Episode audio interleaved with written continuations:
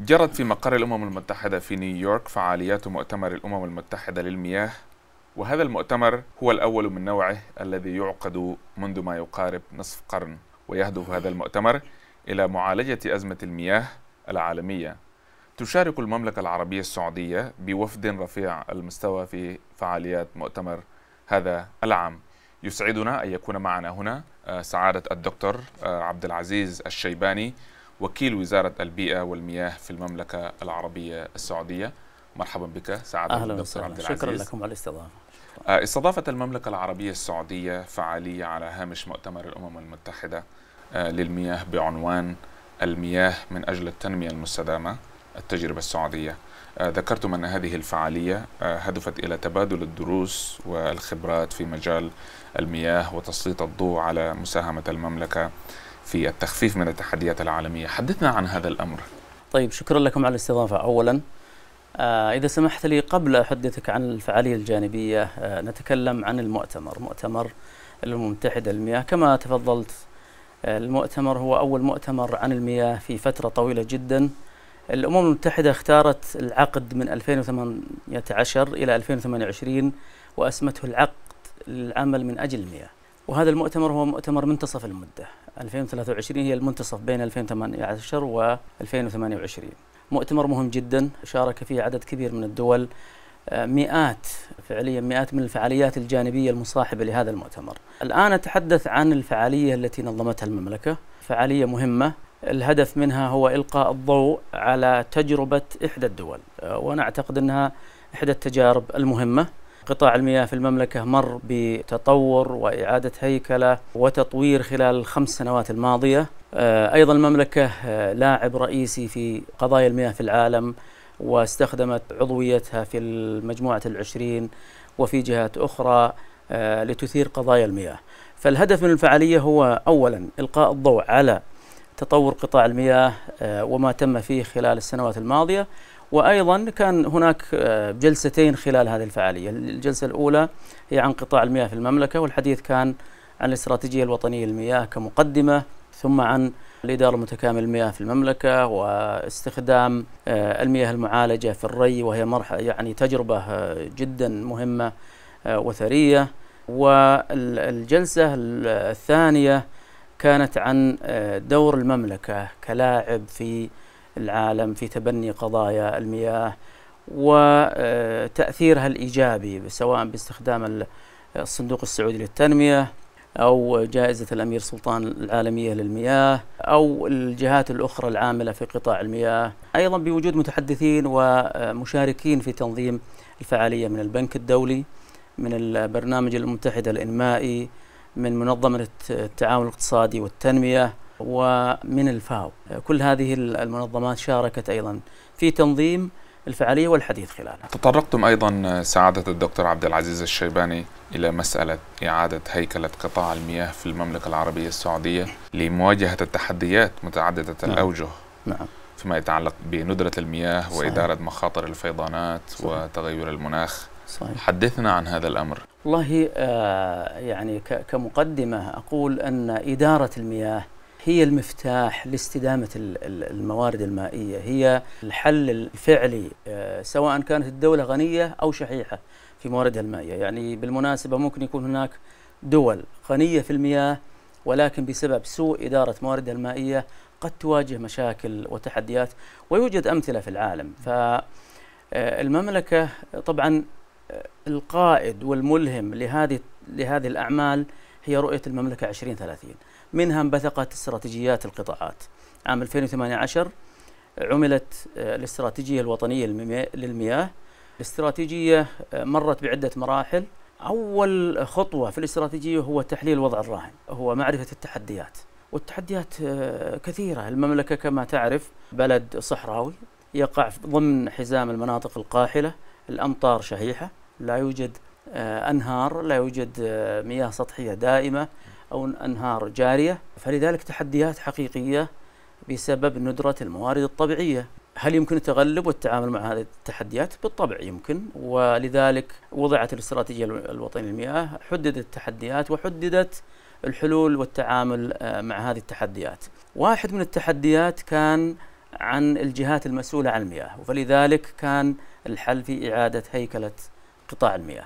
جمعت المهام آه، وزعت على آه، جهات تنفيذية. الوزارة هي المشرع والمخطط والمنظم للقطاع. الأعمال التنفيذية موجودة في جهات أخرى سواء في آه، على طول سلسلة الإمداد سواء في الإنتاج أو النقل أو الخزن أو التوزيع أو المعالجة أو إعادة الاستخدام. فهذه واحدة كانت من الحلول هو إعادة هيكلة القطاع لتكون المسؤوليات واضحة. وبالطبع إعادة هيكلة القطاع ليس الحل الوحيد ليس التعامل الوحيد مع التحديات ولكن هناك مفهوم الإدارة المتكاملة للموارد المياه. تنمية آه، المياه. تعرف الموارد المائية جزء منها غير متجدد وجزء متجدد يعني يستفيد من مياه الأمطار ولذلك حصاد مياه الأمطار خطوة مهمة جدا في إدارة الموارد المائية. أيضا إدارة الطلب على المياه مثل إيقاف زراعة الأعلاف. هذه الأعلاف هي آه، محاصيل أو أو مزروعات شرهة مستخدمة تحتاج كميات كبيرة من المياه فكان هناك قرار وسياسة بتنظيم آه، هذه العملية وخفض آه، المساحات المزروعة بالأعلاف واستطاعت المملكة ان أن تخفض مساحات كبيرة نعم. آه، وتوفر مليارات الأمتار المكعبة من المياه نتيجة لهذه لهذا التنظيم. باختصار هل تذكر لنا بعض النجاحات التي حققتها المملكة في مجال إدارة المياه؟ والله الحمد لله يعني هناك عدة يعني أمثلة على النجاح. تنويع المصادر الاستخدام المصادر غير التقليدية وأهمها التحلية خفض التكلفة في التحلية آه، تقليل الأثر البيئي. المملكة الآن آه، لديها السجل العالمي في في التكاليف وفي الانبعاثات من محطات التحلية. أيضا من النجاحات آه، المثال اللي ذكرته قبل قليل اللي هو خفض الزراعات المستهلكة للمياه. استطعنا أن نخفض المساحات من من أكثر من 600 ألف هكتار إلى حوالي 260 ألف أو 280 ألف هكتار. فتقريبا خفضنا احتياجات المياه إلى النصف وهذه كمية كبيرة جدا إذا أخذنا في الاعتبار أنها يعني على يعني فترة سنوية أو مدى سنوي فهي كميات آه، كبيرة. آه، من النجاحات آه، أيضا بالرغم من محدودية مياه الأمطار إلا أن المملكة استطاعت أن تنشئ مشاريع ضخمة لحصاد مياه الأمطار. المملكة أنشأت آه، أكثر من 570 سد منها يمكن أكثر من 40 سد من السدود الكبيرة وبعضها فيه مخزون دائم للمياه والحمد لله هذا يعني آه، نجاح جيد. هذه السدود تجمع كمية تقريبا 2.6 من عشر مليار متر مكعب. هذه السدود هي داعم لمصادر مياه الشرب وحماية من الفيضانات وحماية للمدن والتجمعات السكانية. وهي أيضا آه، تؤدي غرض تغذية المياه الجوفية وفي الري نعم. ويستخدم في الري. فهذه إحدى آه، النجاحات. هل هل وصلنا إلى آه، النجاح التام وكل ما نطمح إليه؟ لا نحن في رحلة رحلة تحسين في قطاع المياه.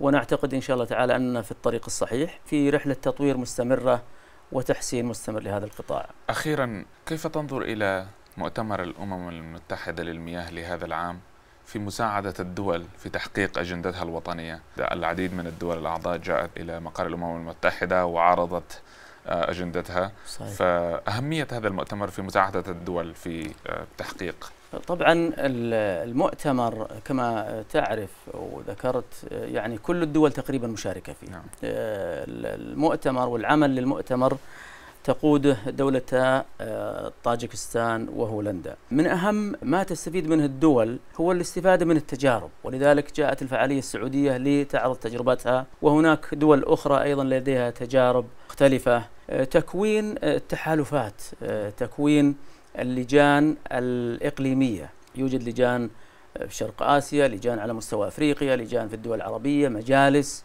هذه أيضا يعني تقود أعمال.